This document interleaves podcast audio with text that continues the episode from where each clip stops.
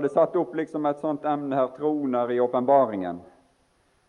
Og Det ble jo bare en liten sånn streif innom da, eh, i løpet av disse her første møtene og eh, de to andre som er satt opp med. Jeg hadde lyst til å lese fra Jobbs bok i kapittel 23 først. Der står det et ord. Det er Jobb som sier i vers 3 i Jobbs bok kapittel 23 og vers 3. Der står det slik Bare jeg visste å finne ham og kunne komme fram til hans trone. Da skulle alt bli så mye bedre, tenkte Jobb. For der ville han legge fram sin sak.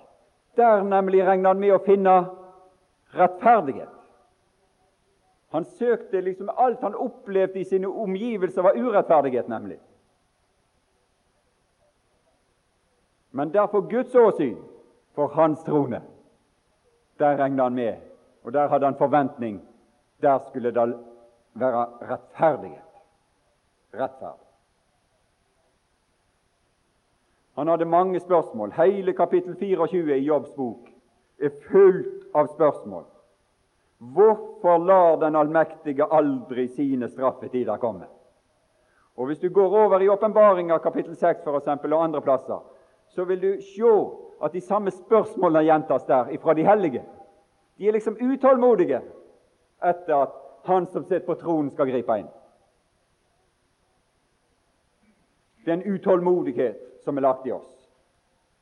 Og Derfor er det også at åpenbaringen taler om Jesu tålmod. Trengselen og tålmodigheten i Jesus. En utholdenhet. Og det er det det spørres om hele veien. Tro og tålmod. Dem som ved tro og tålmod, utholdenhet, arver løften. For det har ikke behaga Gud å gripe inn ennå. Men han sitter på tronen, og han er tilgjengelig. Og han gjør seg synlig for den som søker han. Og du kan møte han, du som er i denne sal. Og du kan innrette livet ditt etter den trone, om du vil søker han. Skal du få se. Og Da skal han føre deg inn i syner også. Og, og i slutten på, på en, et stykke ned i kapittel 24 så, så står det at, i vers 22 at Gud holder voldsmennene lenge med sin kraft. Han syntes det var ille.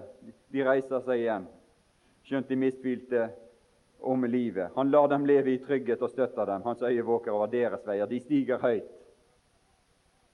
Men så kommer det som har med all verden å gjøre, og har med all nytelse i verden å gjøre, som har all synd å gjøre.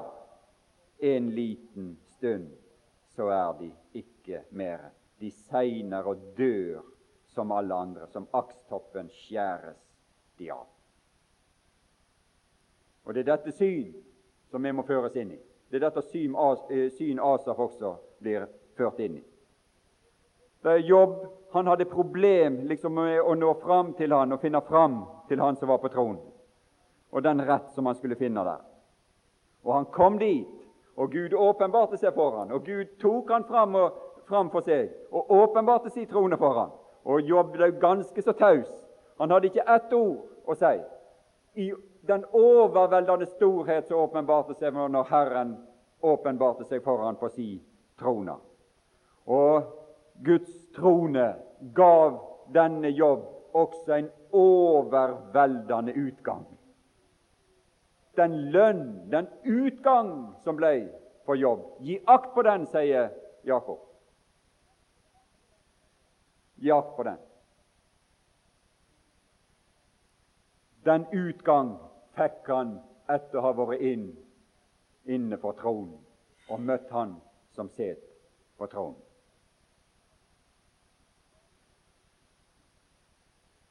Det er liksom en liten snev av bitterhet i kapittel 24 i, i Jobbs bok. Og det er kanskje litt, litt, slik at det kan være en bitterhet i oss også.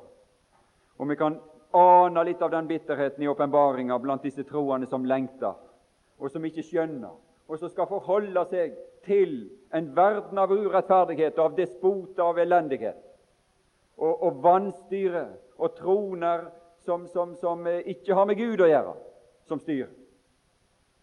Og så kan vi ane en, en, liksom et, et snev av bitterhet, men se den utgang. Vi må inn i helligdommen og se utgangen. Menigheten har sitt problem i kapittel 2 og 3 i åpenbaringen er kanskje ikke disse ting som jeg har talt om nå. Men eh, menigheten sitt problem, dvs. Si alle de enkeltpersoner som menighetene består av, det som er deres problem, og det som er kanskje mitt og ditt problem i dag, det er at vi har i ferd med å miste kontakten med tronen. Tronen, Guds trone er så vagt. Det er noe der borte, noe langt borte, noe sånn veldig vagt. Det er ikke en realitet i våre liv. De er i ferd med å miste kontakten med tronen, Guds trone. Eller rettere sagt, de er i ferd med å miste kontakt med Han som sitter på tronen, Gud. I Efesus så de er de i ferd med å miste kontakten med Guds kjærlighet.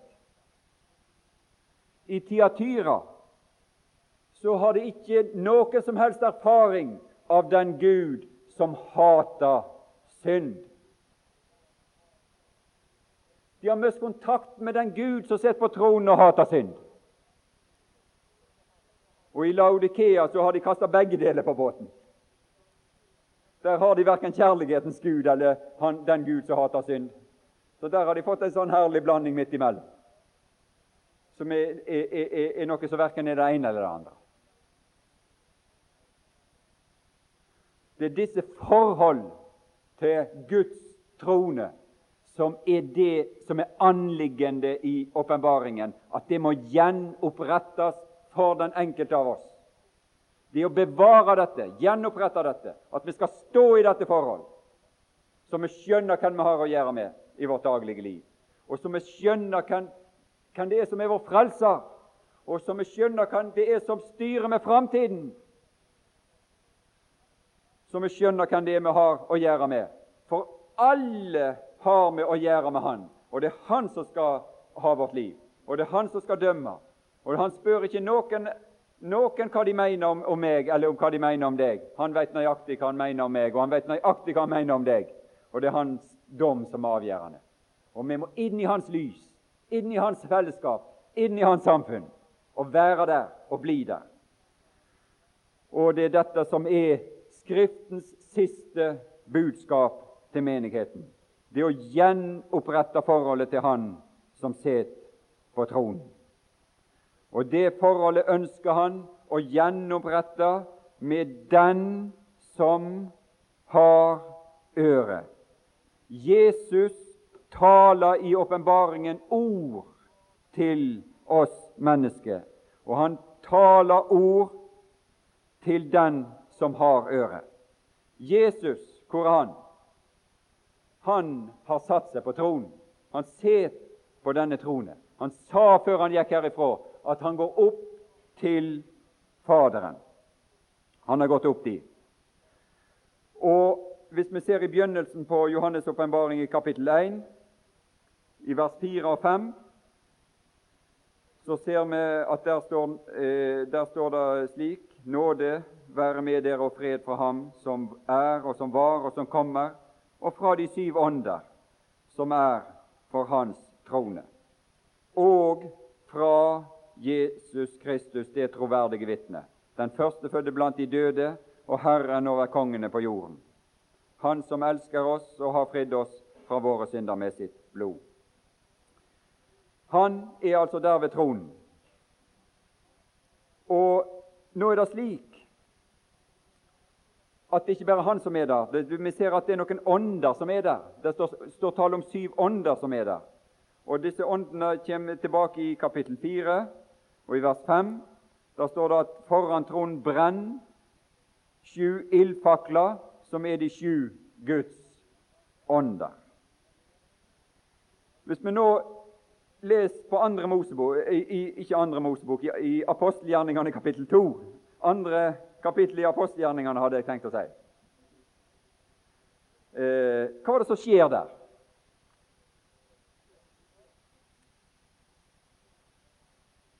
Ja, Peter forklarer hva det er som skjer i kapittel 2.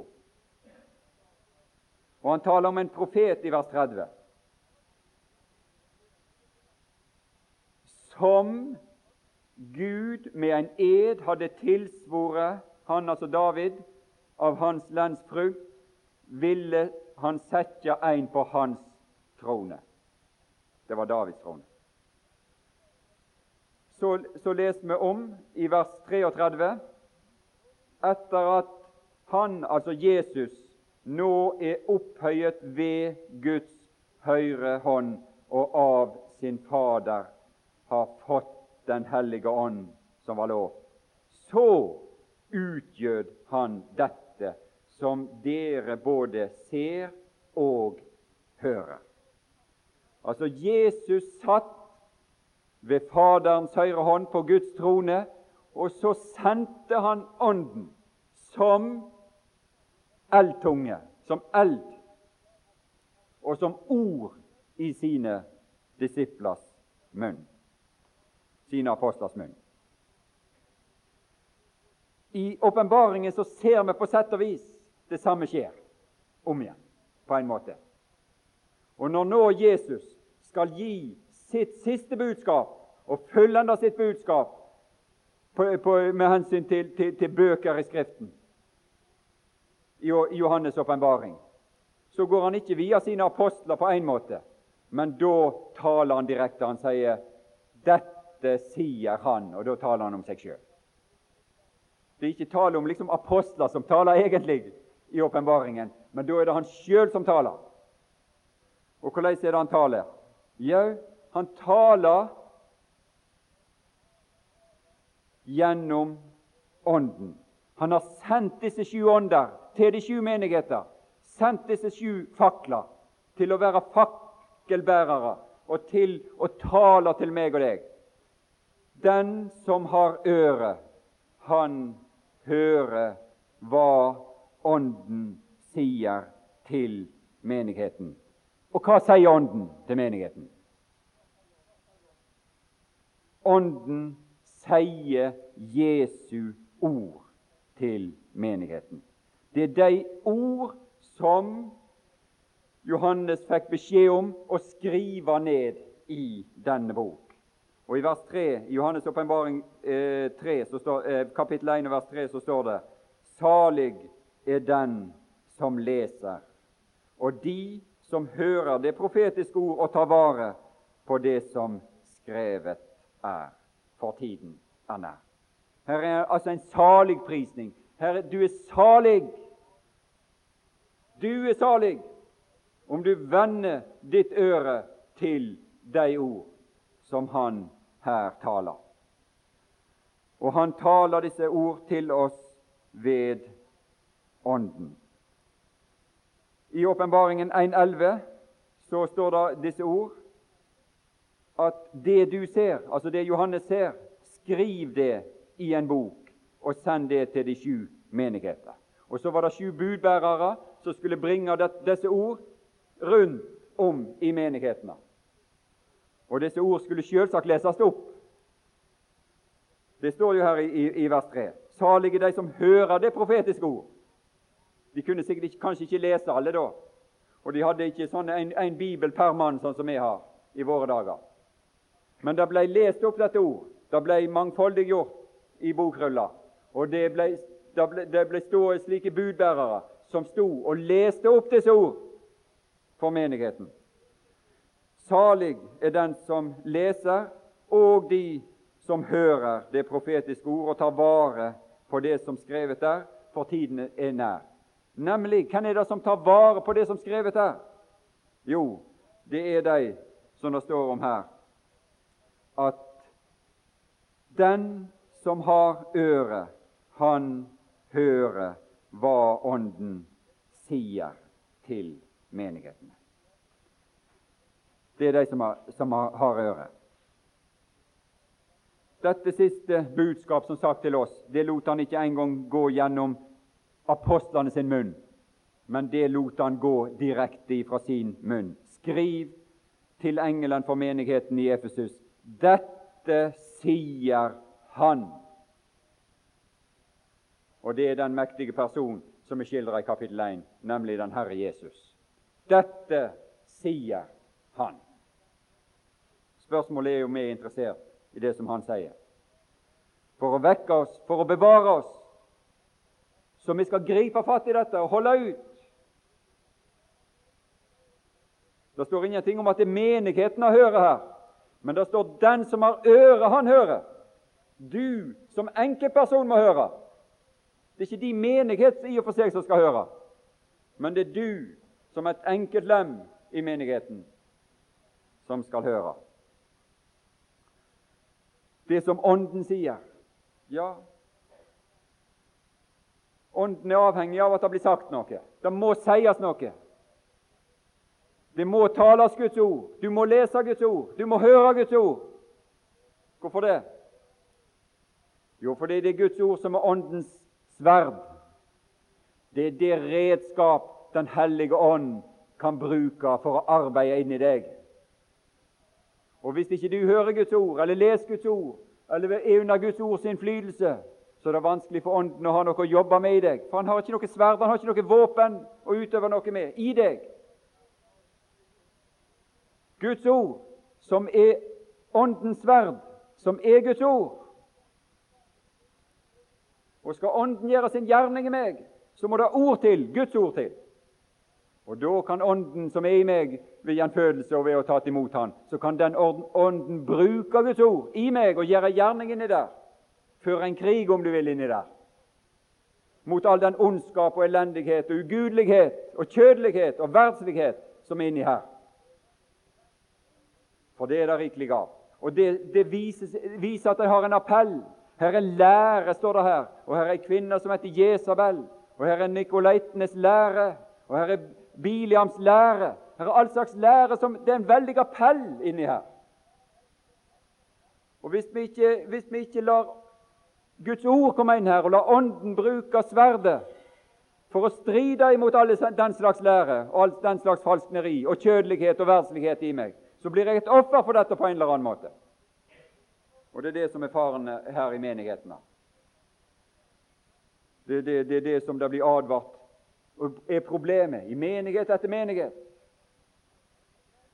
Og vi, vi, lever jo i en tid som er så kolossalt kjødet er så kolossalt eksponert. Du kan ikke vri deg og vende deg en plass uten at kjødet får en impuls. Det er ikke en skjerm, et blad, hvor du ser, alt du ser rundt deg, så gir det kjødet impulser. Prøv å innrette deg slik at du får minst mulig av det. Det er ikke nødvendig å se så mye som du ser, eller lese så mye som du leser. Det er langt ifra nødvendig. Men det har jeg veldig makt.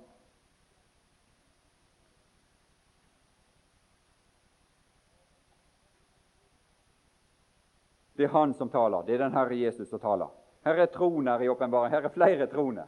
Her er flere slags troner. Men her er jo ei som eh, dominerer, og denne tronen er der alltid. Hun er der helt uberørt. Det er ingen, ingen angrep imot denne tronen. Det er ingen som når fram med noe angrep imot den tronen som Gud sitter på. Den har stått der fra evighet. Den er der bare. Den er hevet over tid og sted, om du kan si det sånn på én måte. Den ønsker å påvirke tid og sted, men den blir ikke påvirka av tid og sted.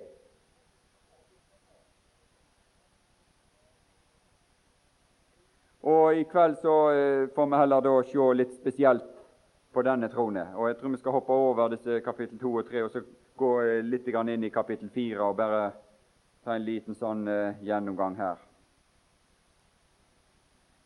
Det har vært reist langt mange her, da, så vi kan ikke holde på så veldig lenge. I kapittel 4 og vers 2 Straks var jeg bortrykket i ånden og se.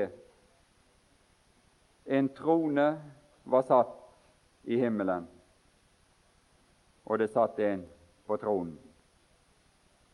En trone, det, i den tid som i hvert fall dette her var, og det som, det som begrepet står for, det, jo, det, har jo med regjering å gjøre, det har med styre å gjøre, det har med utøvelse av, av lov og dom og rettferdighet å gjøre. Og regler og makt. Og det er den som skal binde et samfunn sammen. Det er den som skal gjøre det levelig i et samfunn. Det er troen. Som gjør at det skal være mulig å leve her i trygghet så du ikke skal, skal kunne gå utom, rundt om huset ditt og ikke risikere at naboen slår deg i hjel. Uten ei trone så kunne du risikere det. Du ser jo disse her lovløse samfunnene, disse små nessekongene. sant? Bevegde deg litt utenfor området som hele Norge og Skottland og forskjellige land bestod av i gamle dager. Du kunne ikke bevege deg utenfor, så du risikerte du å bli slått i hjel. Og så skulle det gjøres hevn, osv. att og fram. Så utrydda de hverandre. De hatet og hatet hverandre, så det står. Ei trone et samfunn til for å skape levelige forhold for de som bor der. Her var det ei trone. Jeg så en trone var satt i himmelen. Det er ei trone i himmelen. denne trone.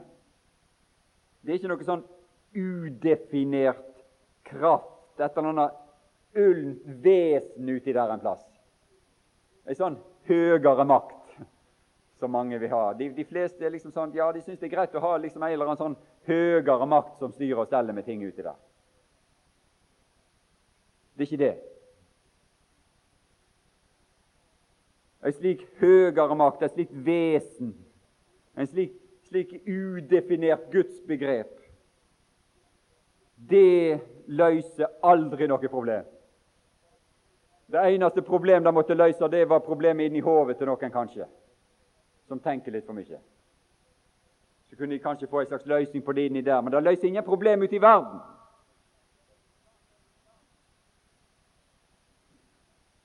Det var ikke slik. Det er ei trone i himmelen og så står det 'det satt en på den'. Det er en personlig Gud. Det er en person som innehar denne stand og stilling. En person, På en måte en person som du og meg. Sant? Det kan vi på en måte forholde oss til og skjønne.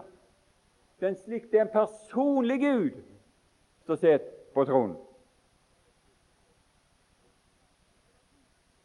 De upersonlige gudsvesen fører ikke fram til noen ting for deg eller for noen. Du må ha en personlig Gud.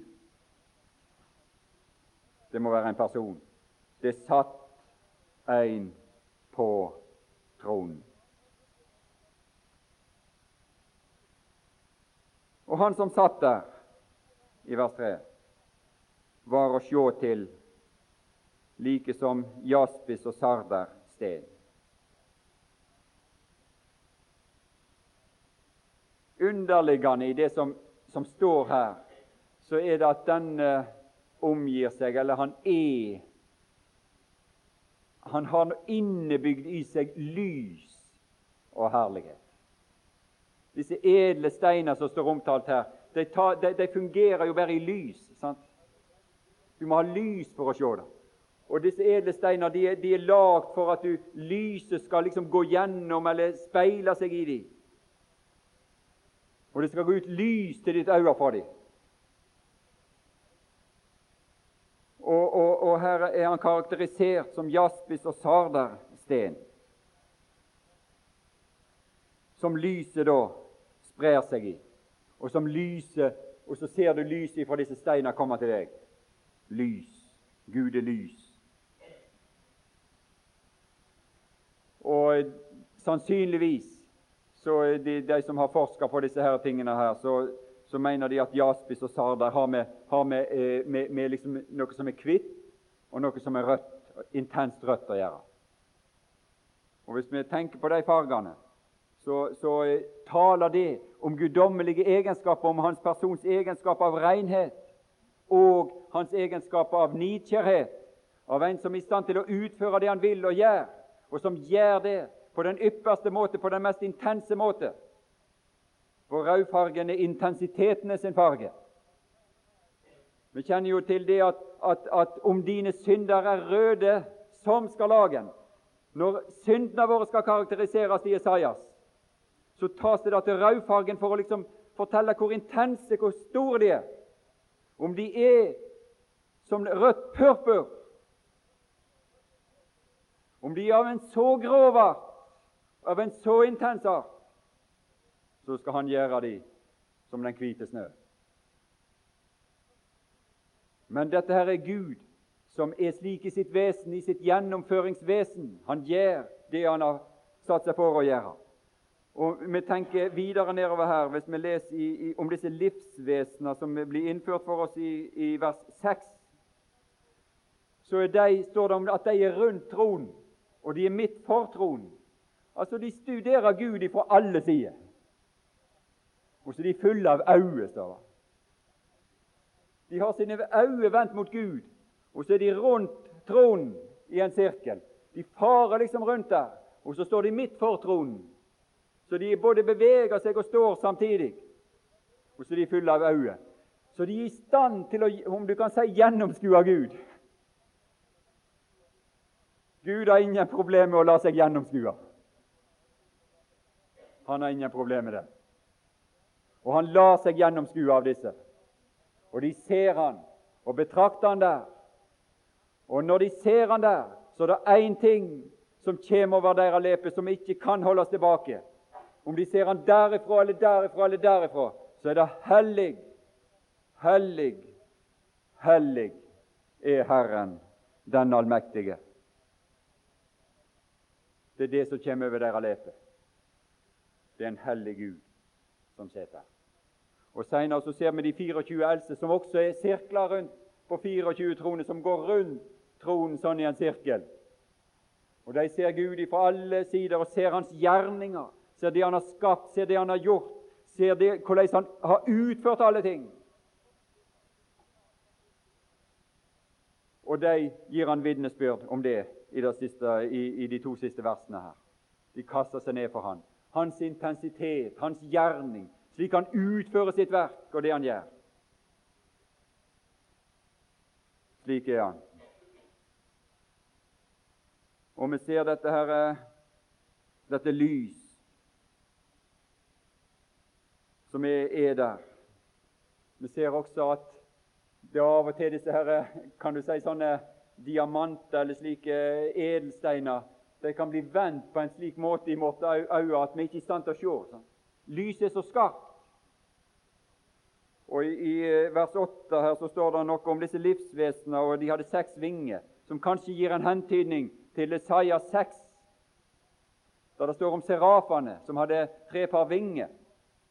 Og med ett par så skjulte de sitt åsyn. De var ikke i stand til å se glansen som utgikk ifra Han som satt på tronen. Og Det står i 1. Timoteus kapittel 6 og vers 16 om Han som bor i et lys som ingen kan komme til, som ingen kan sjå Han. Et slikt enormt lys er Han. Du greier liksom ikke å ta og feste blikket litt direkte på Han, og plutselig så, så skjer det liksom et lys ut ifra denne jaspistenen der, og så er du blenda. Og endatil disse høye serafer måtte skjule sitt åsyn for Han som satt på tronen. Det er Hans hellighet, det er Hans renhet, det er Hans lys.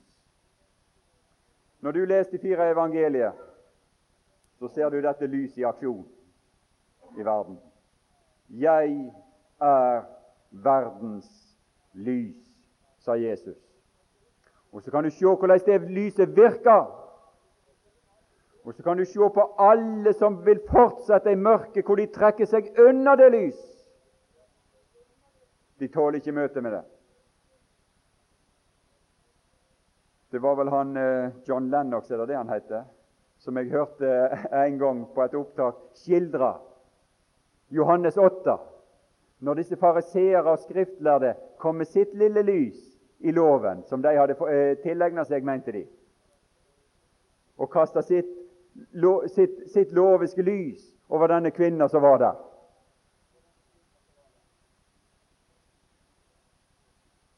Men så møtte de verdens lys.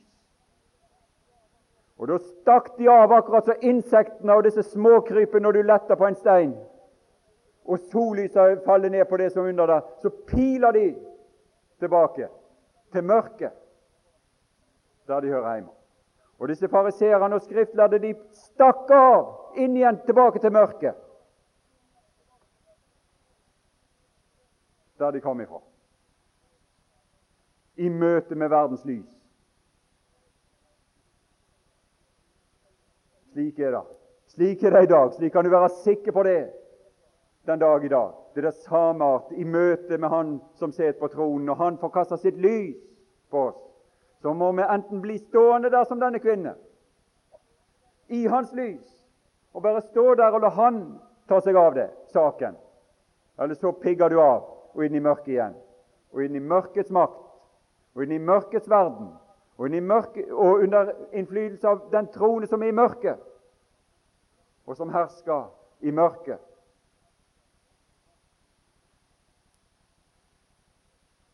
Men hun ble stående der i lyset. Og så møtte hun Ja, hun møtte vel kanskje denne hun møtte vel kanskje denne regnbuen som står om i vers 3 her. Det var vel kanskje den hun møtte. Men hun ble værende der i lyset, for Jesus sa til henne, Bli værende her i lyset, i mitt lys. Synd ikke mer. Gå ikke tilbake til synden. Ved en, ved en, anledning her så jeg var ute og kjørte litt bil, så skrudde jeg på radioen, så var det dette her noe som heter 'Sant er livet', eller noe sånt, som er i NRK.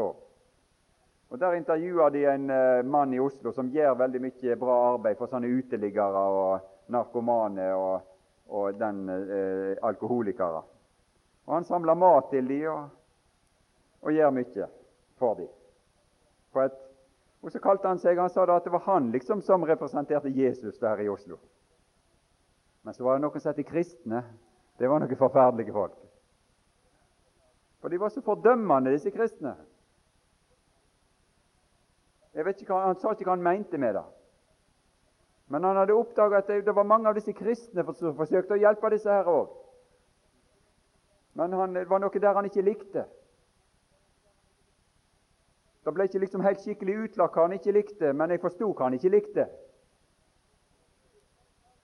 For det som verden vil ha, det er en Jesus som sier 'heller ikke jeg fordømmer meg, deg'. Det vil de ha. Det syns de er kjempegreie. Og en som deler ut goder.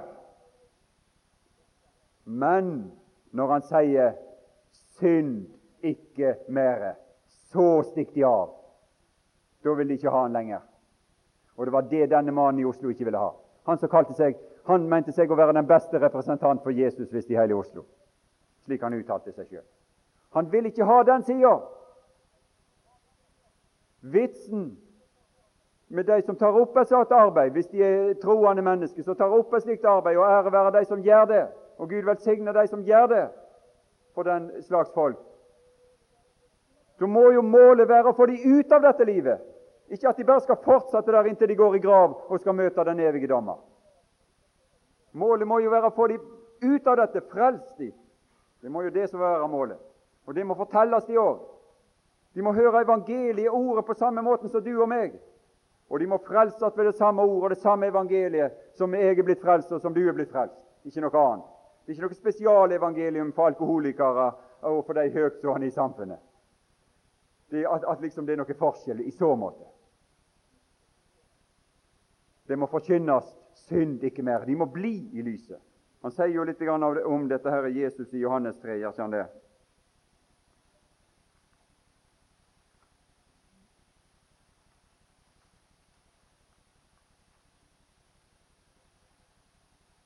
Dette er dommen i vers 19.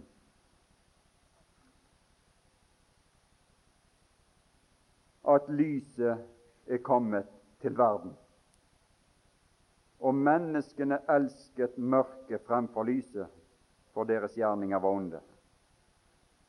Hver den som gjør ondt, hater lyset og kommer ikke til lyset, for at hans gjerninger ikke skal bli refset. men den som gjør sannheten. Og det var det hun, hun kom til å gjøre her. Hun gjorde, hun, hun gjorde sannheten. Hun kom inn i dette lyset ifra Guds trone, ifra Guds ord. Han kommer til lyset for at hans gjerninger må bli åpenbaret. Alle våre gjerninger må bli åpenbaret i det lys. Og så kan vi begynne å gjøre andre gjerninger innenfor denne trone, under dette regimet, under denne konge. Så det er mulig å begynne å gjøre andre gjerninger enn de som hører til i mørket. Og de som de må bli lyse og åpenbare, de som er gjort i mørket. Gud må få kaste sitt lys over deg, og du må ta dommen over deg. Og han må få gjøre opp med deg hele tida. For de er gjort i Gud. Du er vel i Gud. Du er vel for Hans trone. Det er det som er problemet i disse menigheter, at, at det begynner å florere synd i menighetene, så det aldri blir tatt et oppgjør med. Som ikke kommer inn under Guds trones lys. Og det er dødens vei.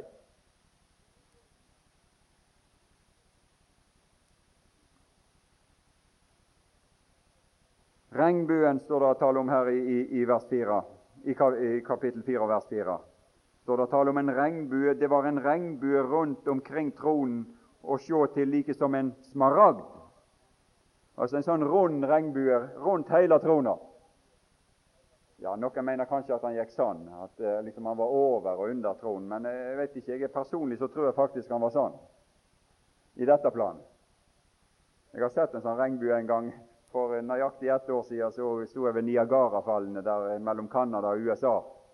Og Når du sto og så på den der veldige massen av, av vanndamp, kan du si, da, eller slik eh, forfina vanndråper, kan du si, da, som kom opp fra de mektige fallene der, så så du faktisk en sirkelrund regnbue slik oppi der. Det var et veldig, eh, Jeg har aldri sett det før. Jeg tenkte faktisk på det som sto her når jeg sto der og så. Og jeg tror det, jeg tror det er den veien. Men det, det får nå så, så være. Denne regnbuen, som var Guds pakt med Noah, som de kjenner til fra første Mosebok, som skulle være den som gav Noah håp når det var noe som varsla dom igjen. Når skyer og regn og sånt igjen begynner å varsle Guds dom. Gud hadde gjort en totale ødeleggelse, utslettelse av, av, av eh, all ondskap på jorda og alle menneskene med unntak av Noah og hans familie der. Når dette her liksom gjenviste seg, så skulle, skulle Gud komme i hus i pakt, står det. Og så skulle det være ei åpen dør til frelse. Gjennom all dom, gjennom det oppgjør Gud må ha med denne verden, så skal det være ei åpen dør til frelse for de som vil komme til Han. Og slik er det. Og Når vi leser gjennom resten av åpenbaringen og ser de sju eh, disse sju segl som blir brutt, og de sju trompeter eller basuner som lyder, og de sju vredes skåler som blir helt ut over denne jord, og all den forferdelse og grufulle dom og ødeleggelse som følger med det, så er det gjennom alt dette så kan du se at Guds tanke er at han forsøker med alle krefter å bringe et budskap om frelse og omvendelse til folk. Hvorfor det?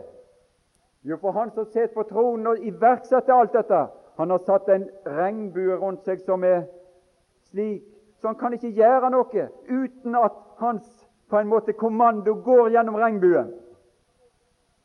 Den må passere den buen. Han kan ikke snu, han har ikke lagd et lite smutthull her på sida liksom, som sier at nei, nå ser jeg bort ifra min pakt. Nå ser jeg bort ifra regnbuen. Jeg har et lite sånn smutthull der, der hadde nær sagt min pakt ikke gjelder lenger. Men han lagde denne buen rundt hele seg, så hvor han snur seg, så har han, så har han den, den, buen. Og hva han gjør, og hva kommando han gjør, og hva han gjør, og hva han utfører over denne jord. Og du kan se Guds såre hjertelag når du leser utover i åpenbaringen og sier at men de ville ikke omvende seg. På tross av dette, på tross av dette, og enda til han gjorde sånn og gjorde sånn og gjorde sånn og gjorde sånn, men de ville ikke omvende seg. Det var en omvendelsens dør der hele tida, ei frelsens dør for de som ville komme til Han, tro på Hans ord, tro evangeliet, tro på Han, ta sin tilflukt til Han. og, for han, og, og, og forlater verden og gå til Han. Det var ei frelsens dør hele veien. Det står at han var som en smaragd, denne her buen. Og smaragd er visstnok en grønfarge. En grønn regnbue. Det er jo ikke vi vant med sånn ellers, men denne her var grønn. Du ser en grønn regnbue rundt tronen. Grønt er jo den fargen som vi ser ut på marker og trær og alle vekster og sånt. Det er den Gud har, har sløst utover i naturen for å vitne om liv, for å vitne om noe som vokser. En del av disse nede fra Mellom-Europa som bor i disse støvete byene nede i Mellom-Europa, de er så imponert når de kommer opp her og ser den klare lufta, og alt er grønne. Vanligvis har vi jo mye regn her også, og på disse kanter så er det grønt. Gud har sløst utover med, med grønt. Og øyet vårt det er faktisk skapt slik at grønt er den mest behagelige farge å se på. Du kan tenke på det litt når du ser på ulike farger. Noe med det behagelige med denne grønnfargen. Det er følsomt for grønn, og det er behagelig for øynene å se grønn.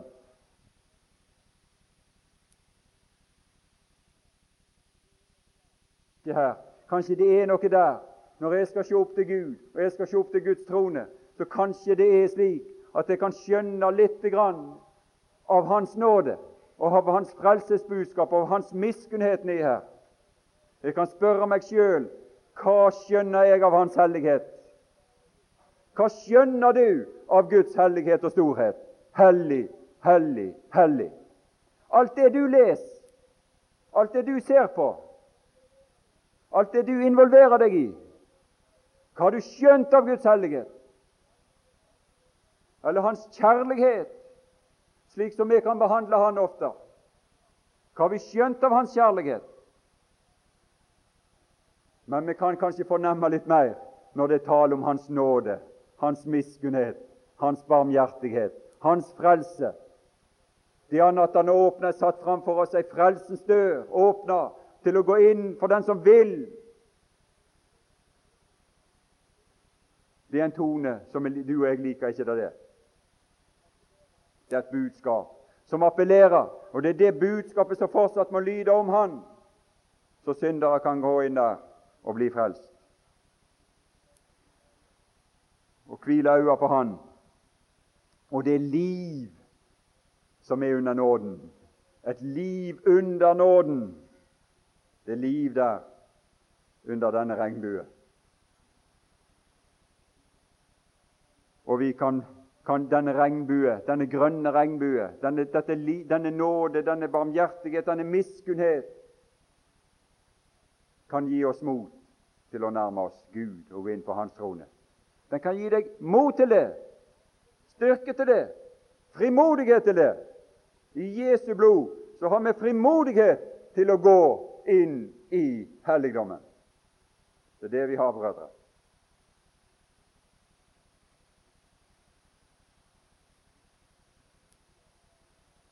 Fire, fire, fire. Rundt omkring tronen var det 24 troner. Og på tronene så jeg 24 eldste sitte, kledd i hvite klær med gullkroner på sine hoder.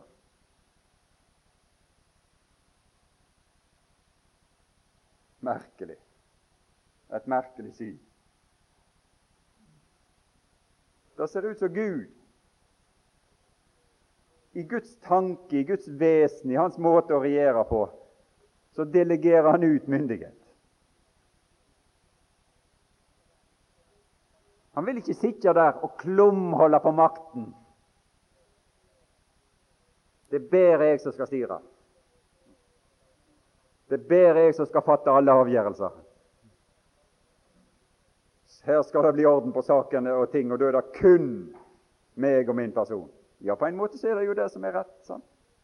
Men det ligger ikke i Guds vesen, det. På alle nivåer nedover. Her er det snakk om 24 troner, og det er snakk om noen eldste. Noen som det har skjedd en eller annen utvikling med, en vekst med. For Dette har med alder å gjøre. Jeg vet ikke hvem de er. Det er, jo, det er jo, en mengde svar på hva disse 24 eldste er, og jeg vil ikke spekulere i liksom disse mange ting og si at jeg liksom foretrekker den løsningen framfor den løsningen. Du kan finne et vell av bøk som omtaler disse her 24 eh, eldste. Men det, det, som, det, det, som, i hvert fall er interessant, det at Gud har valgt å dele ut makt. Og Hvis vi tenker litt videre nedover, så har Han valgt å dele ut makt også til deg sjøl som person. Du har fått makt til å gjøre delvis dine valg, sjøl. Du må ta ansvaret for dine valg sjøl. Gud velger, på på en måte har Gud valgt for deg, men på en annen måte så velger Han ikke for deg. Det er du som må gjøre dine valg. Det er du som må komme til, til, til, til Når Han har, har åpna sine armer og sagt at 'dette er veien å gå', så det er du som må gå den. Han skal gå sammen med deg, men du må gå den. Og du må gjøre dine valg, og du må stå ansvarlig for dine valg. Gud gjør ikke jobben for deg. På en måte gjør han det, men han, på en måte gjør han det ikke. Sant? Du skjønner hva jeg mener. Det er akkurat som å oppdra disse små barna. De har fått noen ifra Gud. Det er Gud som har skapt dem, står det her i vers 11. Alle disse smårollingene, så det er Gud som har skapt dem. Men du som far og mor har fått dem, og du har fått et oppdrag fra Gud til å være på en måte deres troner i de første årene. Gud oppdrar dem ikke for deg. Han hiver deg ikke til sides når de har kommet inn i denne verden og sier at nå, det var greit at du, du, du, det kunne få de inn i verden, nå skal jeg ta, ta og gjøre resten av jobben. Det ser ut som vårt samfunn de går den veien. Det er det de har lyst til. Lenger og lenger lenger nedover. Mer og mer tid hos andre. Det er ikke Guds tanke, det. Det er ikke Guds vei, det. Alle regimer, enten det er i, bedrift eller i konsern, eller det er på altså kommuneplan eller fylkesplan eller statsplan eller riksplan eller konsernplan eller verdensplan De regimer som er noenlunde velbehagelige å leve i, det er de som har evne til å delegere og vise tillit. Og som ikke baserer seg på, på liksom mistenksomhet og, og eh, mangel på tillit og løgner og mangel på, på liksom budskap. Det er slike regimer som blir noenlunde levelige her i verden. Og det er slike barn som etter hvert må begynne å stå på egne bein, og så du gir oppgave, så du viser tillit. Så du lærer til å ta sine valg og sier at 'nei, nå skal du stå for dette'. Nå er det ditt valg. Nå må du stå for dette. Jeg skal hjelpe deg å velge, og du, du skal få svar hvis du spør hva som er min mening. Men det er du som må velge. Det er du som må stå for dette. Nå har jeg tillit til deg. Det er den type barn som det kan bli noe av. Disse herre som har en streng autoritet over seg, som alt, aldri lar de slippe til, og som skal liksom bestemme i alle saker for dem, helt oppover. Som regel blir det veldig dårlig resultat. Vi kan vel se det, vi kan vel tenke på ting folk vi kjenner. Kanskje med det. Gud er ikke slik. Guds regime det er et regime der han deler ut. Slik har han gjort det fra begynnelsen i den nåværende verden, som han la under engler, så det står. Den som vi lever i her nå, og den kommende verden, den er ikke lagt under engler. Men én har på et sted sagt så Hva er et menneske? Den har Gud valgt, den kommende verden, som er den evige verden, den har Gud valgt skal legges under mennesker. Under meg og deg som er frelst, med Kristus, høvdingen, det første mennesket ja, ikke det første i, i, i, i, sånn vanlig forstand, men han som er den ypperste skapning i den kommende verden. Det, det, det, det fremste, skulle jeg sagt, mennesket. Vår frelses høvding. Troens opphavsmann, altså den første, den fremste. Høvding og opphavsmann er det samme ord på gresk. Han er den øverste, han er den første der. Men han har lagt han under mennesker. Han har lagt han under meg og deg, som han har fått frelst inn i Kristi ett. Tatt ut av Adams ett og frelst inn i Kristi ett. Gud har valgt det slik. Vi skal dømme engler, som det står i 1. Korinterbrev 6. Det er hans måte å regjere på. Og vi må lære noe av det. Men vi må akseptere at det er han som er på tronen. Og så må vi lære av Han. Du leder meg ved ditt råd, ved ditt øye.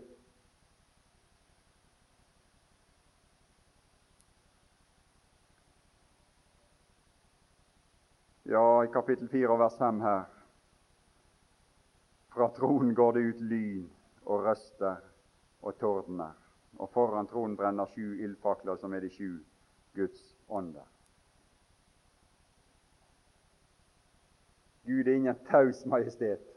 Jeg tenker, jeg har et sånt bilde inni meg av og til over disse her Østens guder. Der står en eller annen sånn, litt sånn feit, nærmest type som står i en sånn stilling, en sånn uh, yogastilling eller noe sånt, og står der og bare ser ut med en lukka munn og et merkelig ansiktsuttrykk. Og er Gud. Og regjerer med taushet. Det går an å regjere med taushet. Det er noen som forsøker den måten. Aldri et ord. De hersker ved taushet. Det er ingen god måte å herske på. Hvis du forsøker det i heimen din, å herske med taushet Det er ingen god måte å herske på, det kan du være sikker på. Det bør gå ut ord ifra deg.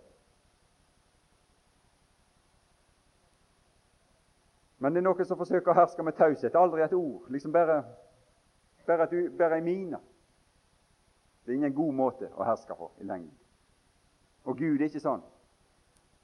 Det er ikke alltid så godt å forstå Hans ord. Her står om lyn og tordener og, og, og røster og sånne ting. Og det ser vi helt, helt tilbake fra når vi var nede på Sina fjell. Og vi ser det over Jesus òg. Og, og, og når, han talte til Paulus der på veien, så, så oppfatta folk det som noe torden og noe lyn og noe greier. De skjønte ikke noe av det.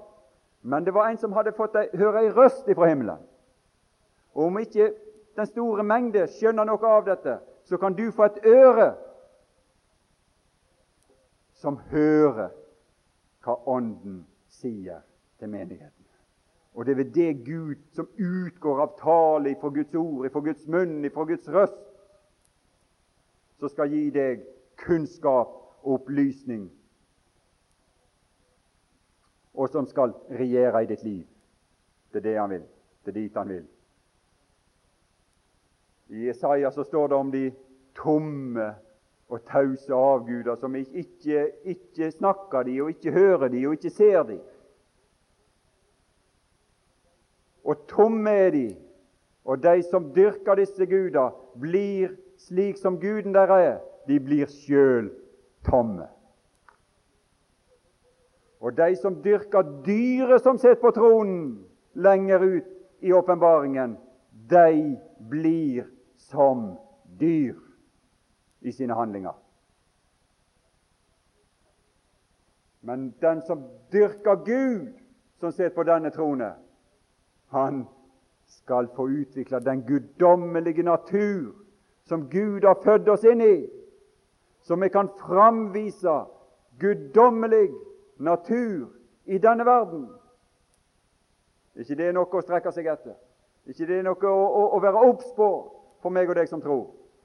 I 2. Timoteus 3, det siste verset der, så står det for at det Guds menneske skal kunne være fullkommengjort til, til, til tjenestegjerning. Det er tale om den hele Skrift der. Den hele Skrift. For at det Guds menneske Det kan være et menneske i denne verden som framviser Gud. Så en representant for Gud, han som sitter på tronen her. Men hvis vi ikke lar oss påvirke av Han som sitter på tronen, så kan det heller ikke gå ut noe ifra oss og Hans vesen til våre omgivelser. Og han taler, og vi må høre hans røst. Og så skal hans stemme og røst, kanskje og hans ord, gå gjennom vår munn og videre ut. Vi blir en talsmann for tronen.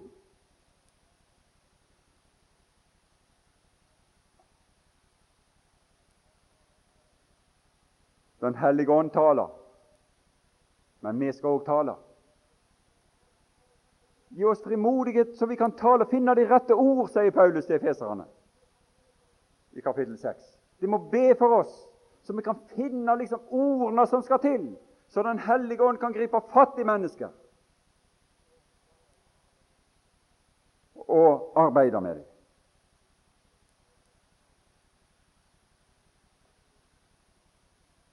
Det, det ord. Det må ord til også i oss i, i de helt, helt dagligdagse, helt ned på det mellommenneskelige plan, helt ned i din familie, i din menighet, i de troendes forsamling. Så må det også være ord. Taushet er noe, noe ødeleggende med det. Det må ord til imellom oss. Det er et godt regime. Dette er et godt herredømme. Dette er en, det er en god Det er en god eh, godt rike å være i. En god Gud å være under. En som ikke er taus, men som taler og opplyser oss. Opplysning. Så opplyser oss. Og du kan lese om kunnskapen om Gud i andre Korinterbrev, og for så vidt i første Korinterbrev òg, der det står om kunnskapen om Gud så er denne mektige kunnskap om frelse på ei side og fortapelse på den andre sida, som skal gå ut ifra våre liv som en duft. Av død til død og av liv til liv. Det er kunnskapen om Gud Paulus mener. Og det var det han talte òg. Er det enn vårt evangelium skjult, så er det skjult blant den som går fortapt. For denne verdens Gud har forblinda de vantros sinn, så de ikke skal høre evangeliet så ikke kunnskapen om Gud skal gå inn i dem. Men det er denne kunnskapen om Gud som må til i våre omgivelser. Og det er den som er i stand, da er Guds ånd i stand til å bryte ned festningsverket og tankebygninger som reiser seg imot kunnskapen om Gud. Vi må bringe den fram, men det er Gud som skal gjøre den jobben. Våre våpen, sier Paulus, ikke mektige for oss, men våre våpen er mektige for Gud til å omstyrte. Men fakkelen, denne fakkelen, denne ly, dette lyset, det må vi holde opp. Vi må være slike fakkelbærere, lysbærere. Og så er det Gud som skal innta byen. Men han trenger, treng noen som holder oppe faklene kunnskapens lys, opplysning om Gud. Ja, jeg har visst holdt på eh, lenge nok, da, så jeg vet ikke om jeg kan Jeg vil prøve å fortsette litt her da, i, i, kapittel 5 videre. Men det kan jeg si, det, at dette er en såre god Gud å tjene, og det er et såre godt rike å være i. Og det finnes ingen som han. Og det er Ingen grunn. Det eksisterer overhodet ikke grunn til at du og meg ikke skulle være enda mer lojale mot Han ifra denne dag. At vi skulle lytte til Hans stemme enda mer ifra denne dag. Det fins ingen god grunn til det. Han, det, det. det, er et velbehag å være i Hans nærhet. Enda om Han må rive og slite og, og ta bort det som ikke hører hjemme innenfor Hans åsyn. Men det er godt når vi blir kvitt det som ikke hører hjemme der. Det er godt, det òg. Så det er å tjene Han, det er en herlig sak. Nå vil vi be deg, vår Herre og Far i himmelen, at, at du løfter opp våre hoder, så vi kan se opp imot deg og se hen imot Han som du snart skal sende til jorden igjen, Jesus. At vi må sjå, løfte hodet vårt opp og se Han som kommer i skyene. Han kommer ikke andre plasser ifra, han kommer ovenifra, ifra deg. Han kommer i skyene. Det er den retningen. Så får du gi oss nåde til å bryte ut av all slags verdsligdom og kjødelighet og, i våre liv og vende blikket imot deg, mot de troner og din person og de frelser. Og vi takker deg for de, de du sender oss, Jesus. Vi takker deg fordi du sender oss Ordet. Vi takker deg for de uendelige frelse, for denne store, store frelse som du har til veier Nå vil vi be for denne flokken som er